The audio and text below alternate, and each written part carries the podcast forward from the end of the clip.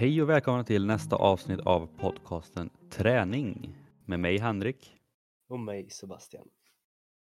Dagens avsnitt kommer att handla lite om 3D-träning och eh, funktionell träning kan man säga.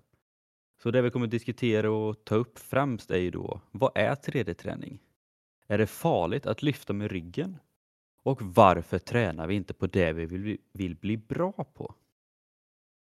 Tre bra frågor och eh, ganska tydliga frågor som vi eh, har suttit här och varit lite så här gubbgriniga om eh, lite då och då kan man väl säga. Och just det här konceptet är väl något som jag har fått upp ögonen för ja, men det senaste året kanske. Medan jag vet ju att framförallt du Sebastian har ju lite mer historia inom det här området. Ja, eller i alla fall begreppet funktionell träning. Ja, självklart 3D, det har väl hängt med mycket men den här lilla små gubbgrinigheten som du nämnde där, den jag skrattar lite för mig själv för det är så jag känt sen jag började med det här yrket att mm. varför, varför vet inte folk hur man ska träna? Och då finns det ändå så duktiga folk inom allt säger man och men ändå så förstår man inte riktigt att träningen är som med allting som man forskar inom att det utvecklas och det vi sitter och säger nu det kommer folk sitta och skratta åt antagligen om några år också.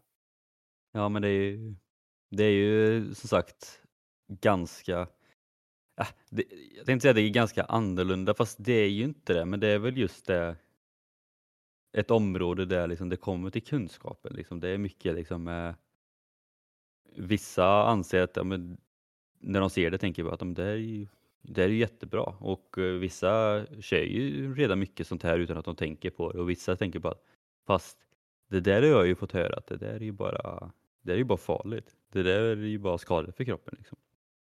Så det är väl lite det vi kommer diskutera idag. Liksom. Vad, vad det är och, var, och om det är farligt och lite liknande. Men eh, först kan vi egentligen gå in lite på egentligen, vad, vad är 3D-träning? Och det är alltid en bra grund att veta vad det är vi pratar om. Jag vet inte, är det något som du känner att du känner dig manad att beskriva Sebastian? Ja, jag kan väl göra en liten eh, prat om det eh, och försöka få en liten förståelse eh, för er som lyssnar. I, I grund och botten så kan man säga att ordet 3D, eh, träning, skulle jag väl säga är väl egentligen ett koncept som har Eh, där man kanske framförallt och där man ska, tycker jag, just eh, koppla ihop begreppet 3D-träning med. Det är en speciell matta kan man väl kalla det. Eh, en matta som, ja, ska man förklara den lite lätt så är det väl en matta som egentligen har lite punkter utsatta på sig. Den har nio olika punkter ja, det är helt enkelt en fyrkantig matta. De här olika punkterna är då tanken att man ska då kunna ta hjälp av och sätta till exempel fötter eh, i speciella vinklar eller fötter på speciella positioner. Det ska vara som ett redskap för dig för att kunna utföra just eh, det de kallar eh, 3D-träning. Eh, det det används mest idag är väl egentligen eh, inom gruppträningspass så finns det på lite olika gym något som heter 3D-träning. Och eh, ska man säga just vad själva träningen är så är det väl att det går in allt mer i det här som Henrik pratar om som heter funktionellt. Och funktionell träning går ut på att man vill egentligen träna och göra övningar som har någon form av funktion. Och oftast brukar man prata om funktion i sitt eh, vardagliga liv. Så ska man klara av att, det brukar vara som exempel, ska man klara av att lyfta upp en matkasse från golvet, då ska man kunna göra det och man behöver inte kanske stå i en jätterak hållning och spänna bålen och utan man ska bara kunna slänga upp den lite på höften och samtidigt öppna ytterdörren eller något sånt. Att allting är inte det här raka och fina. Och det är väl lite därifrån själva 3D-konceptet just nu bygger väldigt mycket på. Eh, men det har även eh, fortsatt att byggas på lite andra grejer kan man väl också säga.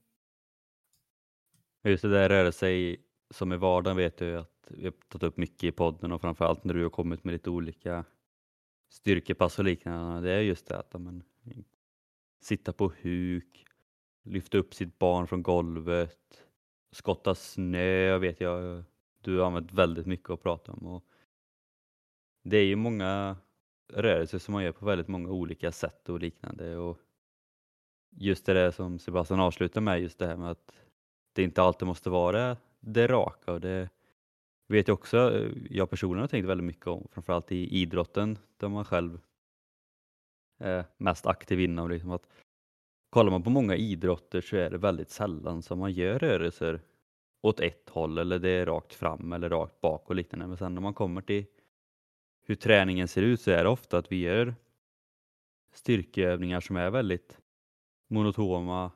De är ofta rakt fram. Kanske ibland gör man den rakt bak också. Och sen så, men det är nästan förbjudet att vinkla kroppen eller ja, framförallt knäna och ryggen liksom åt olika håll. Men ser man sen till hur idrotten ser ut så gör man de rörelserna rätt många gånger under en match. Liksom. Mm. Och det är väl där lite som varför den här formen utav träning börjar smyga lite fram just inom kanske då idrottsvärlden eh, på grund utav att eh, det har egentligen jobbat på med den här och det börjar komma in och bli en liten bli lite vanligare för just folk med utbildning och förstå lite vad 3D-tänket är och det har väl även blivit en eh, ska jag försöka se det diplomatiskt, men det har även blivit en liten stämpel av att vissa former av kurser ger en en viss form av ställning eh, som visar att man har koll och som ger en möjlighet till att kunna få större möjligheter att jobba eh, med större klienter och kunder och då sprids ju den här eh, formen utav träning mycket större och så blir det som en liten rullgång där helt enkelt. Och det, det är ju häftigt faktiskt att kunna se lite tycker jag. Jag tycker det är gjort väldigt bra just för träningen det här konceptet och det gör att folk får förståelse utav det men det är väl som Henrik säger att det, det här kanske har det här sättet är inget helt nytt sätt att träna på utan det finns ju med och jag har ju alltid tyckt att det är bättre sätt att kalla det för funktionell träning. Att man är som sagt väldigt tydlig med att den här träningen gör jag för att få ut en funktion. Alltså, vad är det jag vill få ut av det? Och det är det jag tränar på och då kommer jag bli bättre på det jag vill ja, få ut av träningen. Det låter jättelogiskt men det är så jag tycker man ska träna.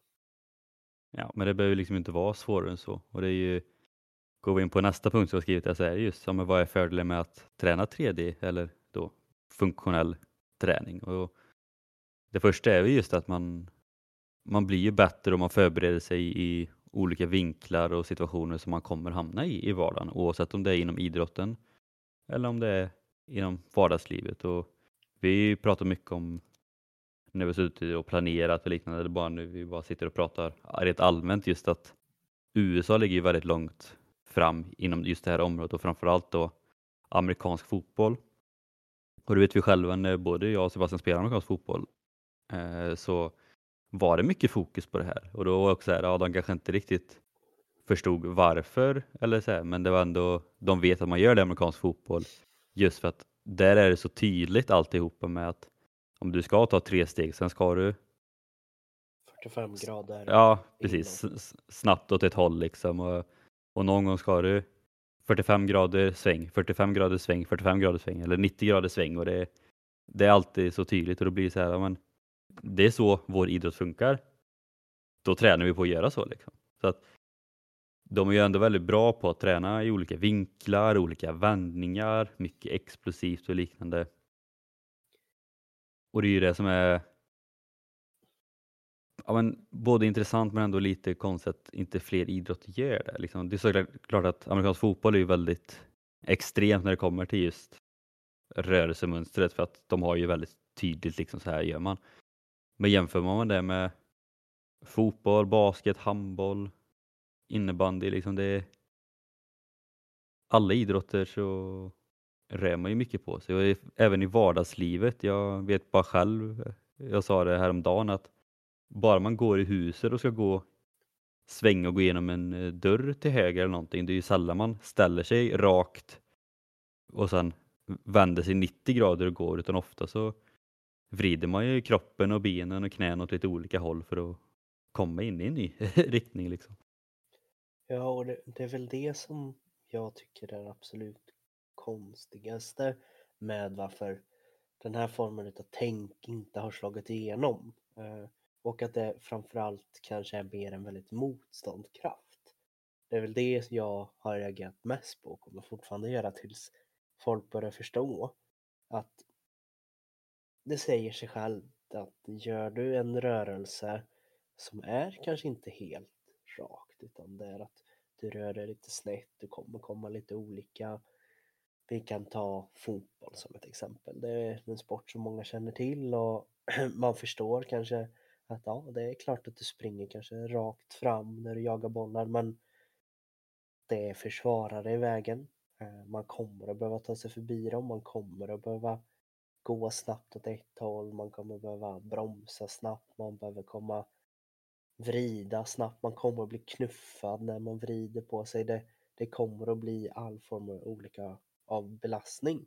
Något som man också kanske vet och som vi har pratat mycket om det är just den här knäbelastningen.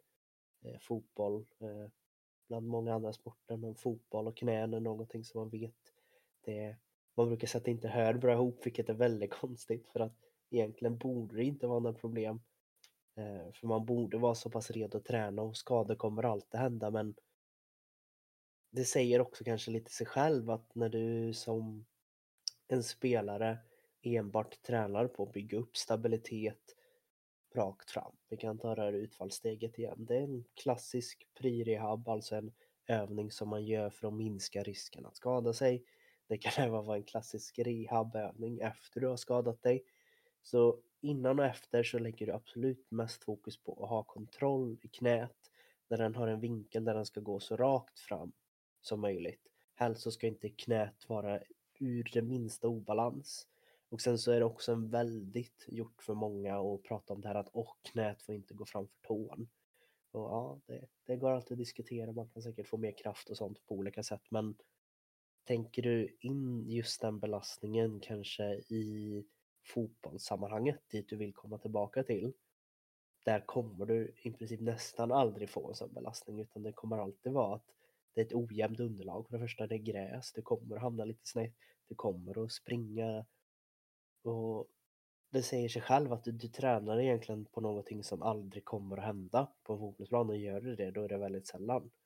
Något som säger sig själv är att varför skulle du inte då träna upp en belastning på knät där du lägger in lite belastning där kraft kommer ifrån insidan eller utsidan eller snett eller för det är så det kommer att göra.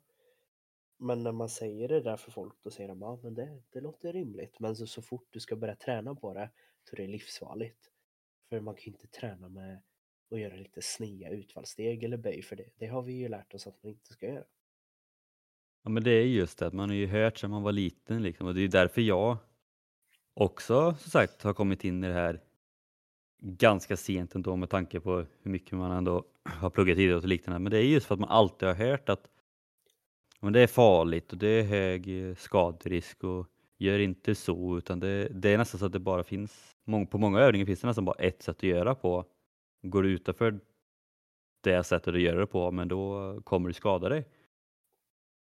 Men anledningen till att det är skaderisk på vissa övningar är ju för att man aldrig tränar att göra ja, men utanför boxen eller vad man säger.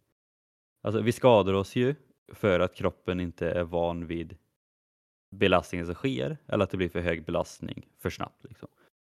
Men det är klart liksom att vi det blir ju skador om vi aldrig tränar på kroppen och gör de rörelserna. Ett typiskt exempel som jag brukar ta upp nu för tiden som jag vet att du var en av de första som visade mig och sen eh, var just med marklyft som exempel. Att det har man ju alltid fått höra sedan man var liten, när man ska plocka upp något från golvet. Liksom lite att Lyft verkligen inte med ryggen. För då, det, då kommer du skada dig. Det, det är verkligen så här, ja men då kommer du få ryggskott och du kommer inte kunna röra ryggen när du blir äldre sen. Liksom. Det, nej, lyft med benen, du får verkligen inte lyfta med ryggen. Men anledningen till att man ofta får ont i ryggen när man lyfter med ryggen är för att man aldrig har tränat upp ryggen att lyfta med. Mm. Det, är så här, det är klart att man får ont i ryggen om man lyfter något tungt om man aldrig har tränat upp ryggen. Det hade varit samma sak, hade vi aldrig tränat upp benen och jag plötsligt ska ja, men göra en eh, benspark eller en knäböj eller någonting, då hade vi fått ont i benen också. Mm. Ja, och just det där kring ryggen är det väl en sån extrem rädsla i och att som man säger, lyft inte med ryggen och man brukar ofta säga lyft inte med ryggen och, och det, det är klart att vi har gått in på det många gånger innan och att anledningen till att man ofta säger så är för att ryggen kommer oftast alltid vara med i varje lyft man gör men man vill inte fokusera på att lägga tyngden på ryggen. Eh, för varför skulle du vilja göra det när du har massor med andra starka muskler som skulle kunna hjälpa till? Det är väl det som är tanken, men det betyder ju inte heller att du dör om du lyfter med ryggen. Hade det varit så att vår kropps absolut, ja men så här, kroppen går sönder ifall du lyfter med ryggen, då hade ju inte kroppen haft den funktionen att vi kan lyfta med ryggen eller ta hjälp av ryggen.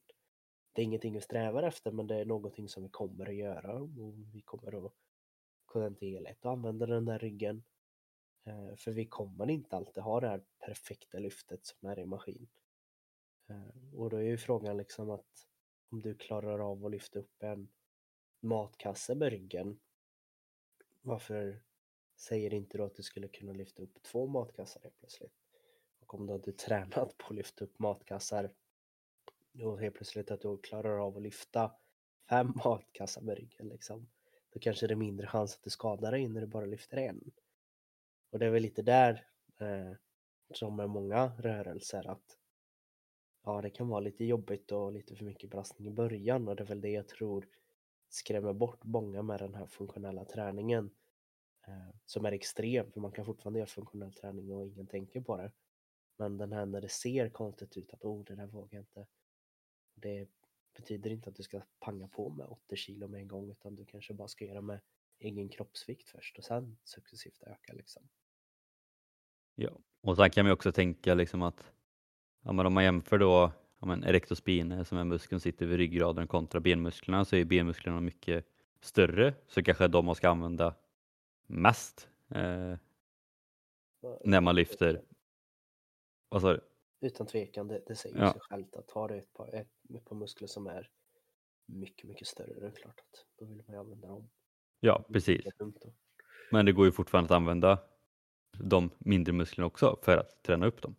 Så det är just att liksom, det är inte farligt. Sen kanske man inte ska lyfta alla lyft med det, men att verkligen få med sig att vi har ju som sagt, som du sa också, vi har ju muskler där av en anledning. Vi kan göra den rörelsen av en anledning. Så att man verkligen inte... ja, men Ofta så är det ändå så att kan kroppen göra en rörelse så är det ju sällan livsfarligt. Det kanske inte alltid är det mest optimala och det kanske alltid finns bättre sätt att göra det på. Men som sagt, kroppen är ju gjord för att kunna göra vissa saker och kan kroppen inte göra det, ja, men då kanske, den inte, då kanske man inte är gjord för att göra det. Men kan man, ge- kan man göra det så kanske kroppen är gjord för att göra det.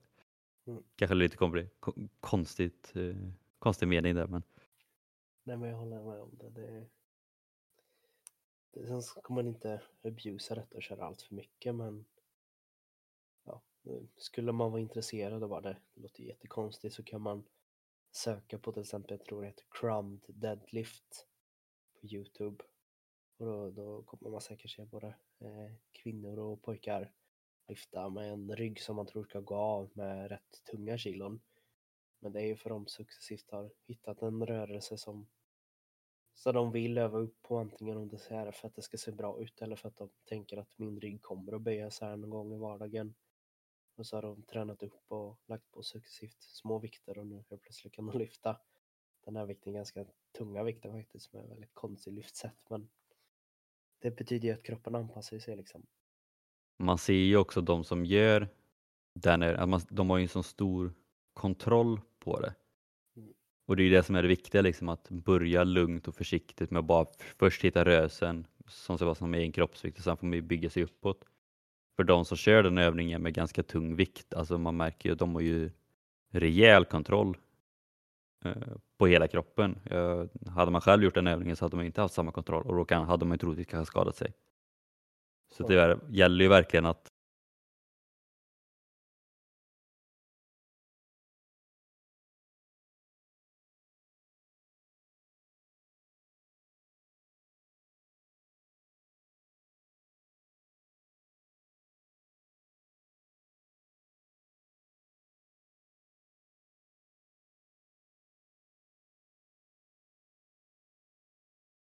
Ja, men, Intressant. Det är kanske något jag hade velat börja testa på lite.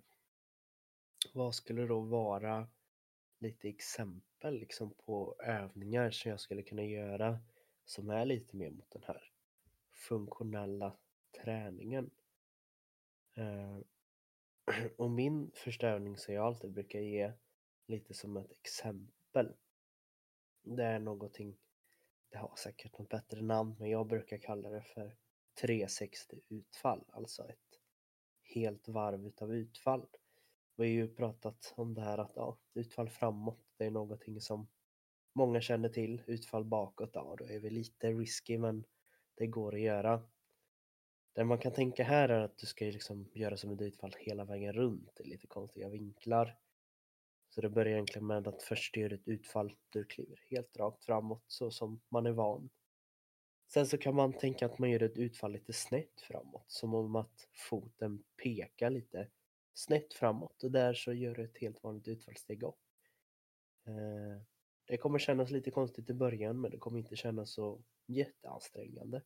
Desto djupare ner du går och tyngre vikter du kanske håller i, då är det tyngre men börja göra det med din egen kroppsvikt. Sen efter det gör man bara ett sidutfall, du tar som ett kliv utåt kan man tänka att ansiktet fortfarande pekandes framåt men att foten bara kliver ut till sidan. Som att du gör ett skridskohopp fast inte hoppar till exempel. Böjer dig ner där och skjuter bak rumpan och det blir nästan mer som en skott. Sen så gör du likadant att du gör snett bakåt, bakåt och sen snett bakåt och sen blir det som att du gör lite olika utfall hela vägen runt helt enkelt. Och då är plötsligt har du gjort utfallssteg där du har fått en belastning på då, kanske framförallt knät men även höften från lite olika vinklar och det kommer kännas konstigt i början men sen när du tänker efter så är inget konstigt allt för att de här vinklarna hamnar du ganska ofta i. Ett exempel är bara att du går ute på stan och helt plötsligt står en person framför dig. Det är inte så att du vänder hela kroppen för att liksom ta ett steg åt sidan för att inte gå in i den här personen. Det, du slänger snabbt ut din vänsterfot och bara ändrar lite riktning och sen kommer tillbaka. Det är något jag har gjort tusentals gånger och kommer göra tusen gånger till. Och tränar du lite på det så kommer du bli lite bättre och förhoppningsvis nästa gång som det är kanske lite halt när du gör den där snabba förflyttningen då är kroppen lite extra, extra med så då slipper du att halka till och få lite extra ont i knät liksom. Mycket bra. Som sagt en, en övning som alla gör och fast som ändå är väldigt lätt att bara utöka lite och helt plötsligt så får man med alla delar känns det mm, verkligen. Eh, den som jag har tänkt att ta upp är väl en övning som ja, men är ganska en, van, alltså en vanlig rörelse som sker i många idrotter. Och det som jag tycker är lite roligt med just den här övningen är att det är många som redan gör den här. Och den här vet alla att den, den är jättebra. Det är jättebra för knäna och, och skadeförebyggande och allt sånt. Men, men om man jämför med hur noga alla på tidigare övningar, liksom, att där får man inte vara sni eller belasta åt sidan för det är farligt. Och så kommer vi till den här övningen som då är skridskohopp. Och där är plötsligt så vet alla att den är jättebra för knät. Fast all kraft egentligen kommer åt sidan. Eh, och den går ut på att man står på ett ben och egentligen tar ett, ja, men ett skridskoskär kan man säga, Nils van der Poel skär Fast man hoppar liksom åt sidan och så landar man på, så står man på högerbenet och så tar man lite sats och så hoppar man snett framåt åt sidan och så landar man på vänsterbenet. Då försöker man liksom hitta en balans bra. Och det som är bra med den övningen är just att kraften kommer liksom åt sidan. Det gäller att landa mjukt och hitta balansen samtidigt. Och ser man till idrotten så är det ju jätteofta som man, ja, men så fort man gör en riktningsförändring snabbt så är det ju den rörelsen. Eh, är du i luften och får en liten tackling, en liten knuff eller någonting så kan det bli den rörelsen. Så att det är ju någonting som ändå sker väldigt, väldigt ofta och många tränar redan på den här. Men jag tycker ändå att det är en så pass bra övning för knät överlag. Alltså även för ja, men Johan eh, 45 år eller eh, Berit 60 år. Eller liksom. Det är en bra övning för alla och jag tycker just att det är så kul med den att ja, men tid, på tidigare övningar så är det ganska noga med att men, du får inte vara sned eller du får inte göra åt sidan eller det ska vara belastning rakt fram liksom och så kommer man till skridskohoppa. Men den är jättebra. Fast det är väldigt mycket kraft åt sidan. Ja, alltså jag håller med där. där. Den är ju en av de som är konstiga, men det är ingenting som säger att du inte skulle kunna hålla en vikt i famnen när du gör denna. Eller man kan göra den på massor med andra olika sätt, till exempel för just att få en ökad belastning just på när man gör den här sidesteget liksom. Och det om något att få kraft i sidled är ju egentligen speciellt eh, inom, vad ska man säga, bollsporter. Det är ju oftast det som kan skilja en helt okej okay spelare mot en riktigt duktig spelare. En spelare som kan föra med energin i förflyttning i sidled eller andra vinklar och inte tappa liksom styrka när den gör den här sidoförflyttningarna. Men det är just det också att man hör ju ofta när man gör väldigt snabba riktningsförändringar och sånt, det är ju ofta det som knäskador kommer. Mm. Men då är det ju som sagt ofta att de brukar, när man har kört knäövningar eller styrkeövningar, då är det ofta att man tränar knät liksom, ja men framåt. åt ett, ja precis, det är framåt. Och då gör det ju att så fort man liksom, har man mycket kraft framåt och bromsar liksom och sånt, ja men där är man tränad, där har man koll. Men gör man då exakt samma sak åt sidan om man inte har tränat där så är det klart att då kommer det ju med en rejäl kraft som man inte är van vid. Mm. Så det är som återigen, det, det, märks ju när man, väl, när man väl tänker på det, om man hör det så blir man bara, ja det, det, det är klart att det är så. Liksom. Det, det är klart att man använder kroppen åt alla möjliga håll och situationer. Liksom. Det, det är väl i stort sett typ friidrott, eller så här, framförallt 100 meter, ja, men då är det ju ganska mycket rakt fram. Liksom. Mm. Men ser man till idrott liksom, överlag, lagidrott, framförallt om så bollsporter och sånt, så det är ju sällan man är rak, alltså springer rakt fram. Alltså även som du sa innan, en, ja, det är möjligtvis en vanlig löpa efter bollen på kanten kanske och då det är inte jättemånga meter innan man ändå gör en vridning sen. Så att... Ja.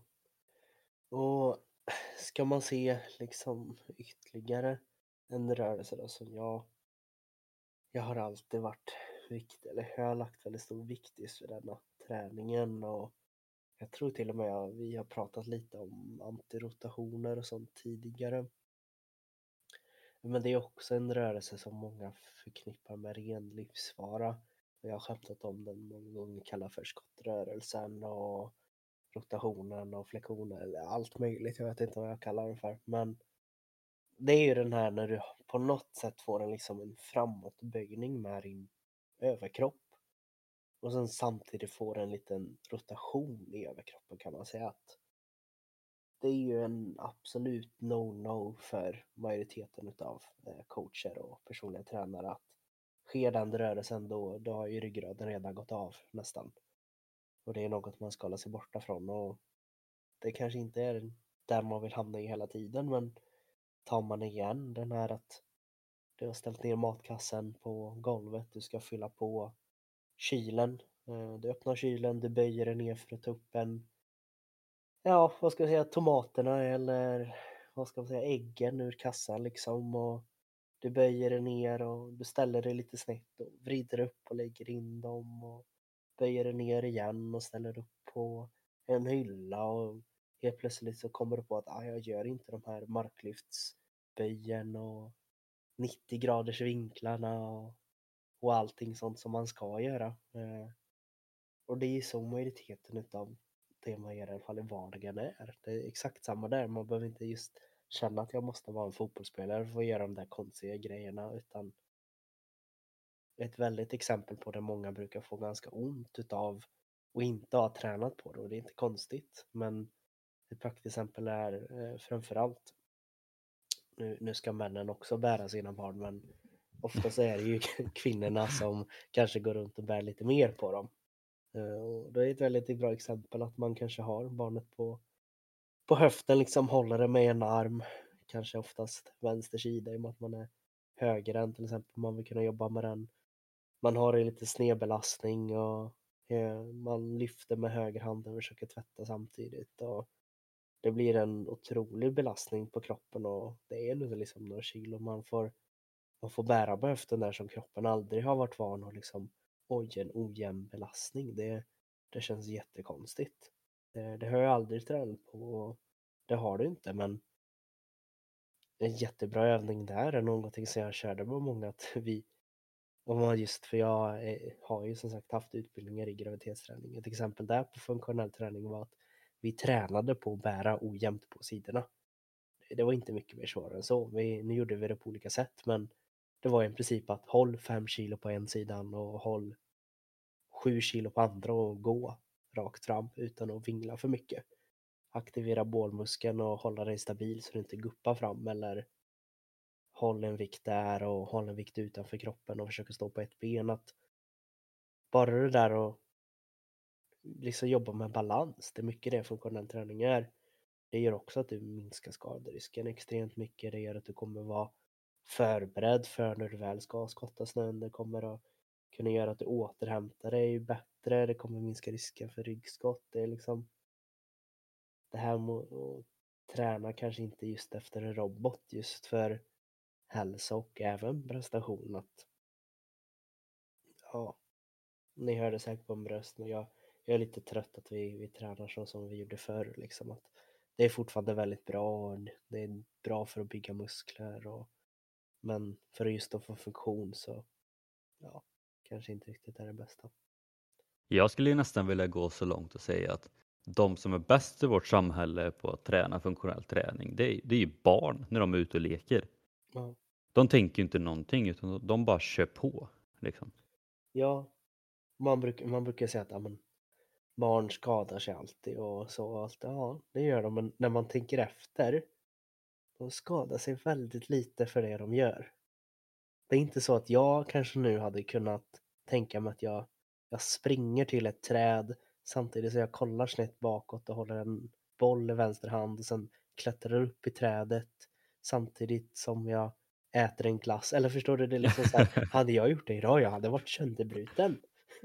Bara springa och kolla bakåt liksom. Det, det hade knappt gått, men det är ju för att barn använder kroppen så som den är tänkt att användas faktiskt det är sjukt men det de gör att de blir inte stela för de använder optimal rörelseförmåga. De är inte rädda för att böja kroppen för det, det kan den och de bygger upp en extrem styrka. Eh, och kollar man just på flexibilitet och styrka och allting sånt och de, vi har sagt det igen, men som i asiatiska kulturen, deras vilopunkt är att sitta böjandes på huk, vilket gör att de de har extremt mycket bättre och mer friskare i kroppen just kring till exempel höfter och knän för att de, de bibehåller ett rörelsemönster som kroppen är uppbyggd för att kunna hålla medan vi som sitter ner för mycket att ja, vi får mer problem i rygg och höfter och knän till exempel. Ja. Så dagens ta med hempunkt. Bli mer som barn. Gå ut och klättra lite i träd, gå ut och spela lite fotboll på skolgården. Jag kanske inte ska gå på för hårt så att om ni känner att ni är stela. Men, liksom, men just ta, ta med det liksom att ändå försöka komma tillbaka till det liksom lite att inte tänka för mycket och bara leka lite. Alltså samma sak på gymmet eller när ni tränar. Försök själva hitta lite nya egna rörelser. Tänk vad ni gör på dagarna. Vad, vad gör jag på jobbet? Vilka rörelser gör jag där? Vad gör jag hemma? Vilka rörelser gör jag där? Och så försöker ni hitta kanske lite egna roliga övningar som är liknande som dessa. Liksom att så länge ni gör det ändå på en låg nivå till en början så är det inte farligt. Ni kanske inte ska hitta, komma på en ny övning som ni inte känner till och sen slänga på 80 kilo på det och bara, men det, nu kommer jag, det är jättebra träning här utan så länge ni kanske börjar med kroppsvikter och bara hittar lite roliga, liksom, samma som balansövningar. Tänkte på det du sa med att ha olika vikter på varsin sida liksom, och hitta balansen.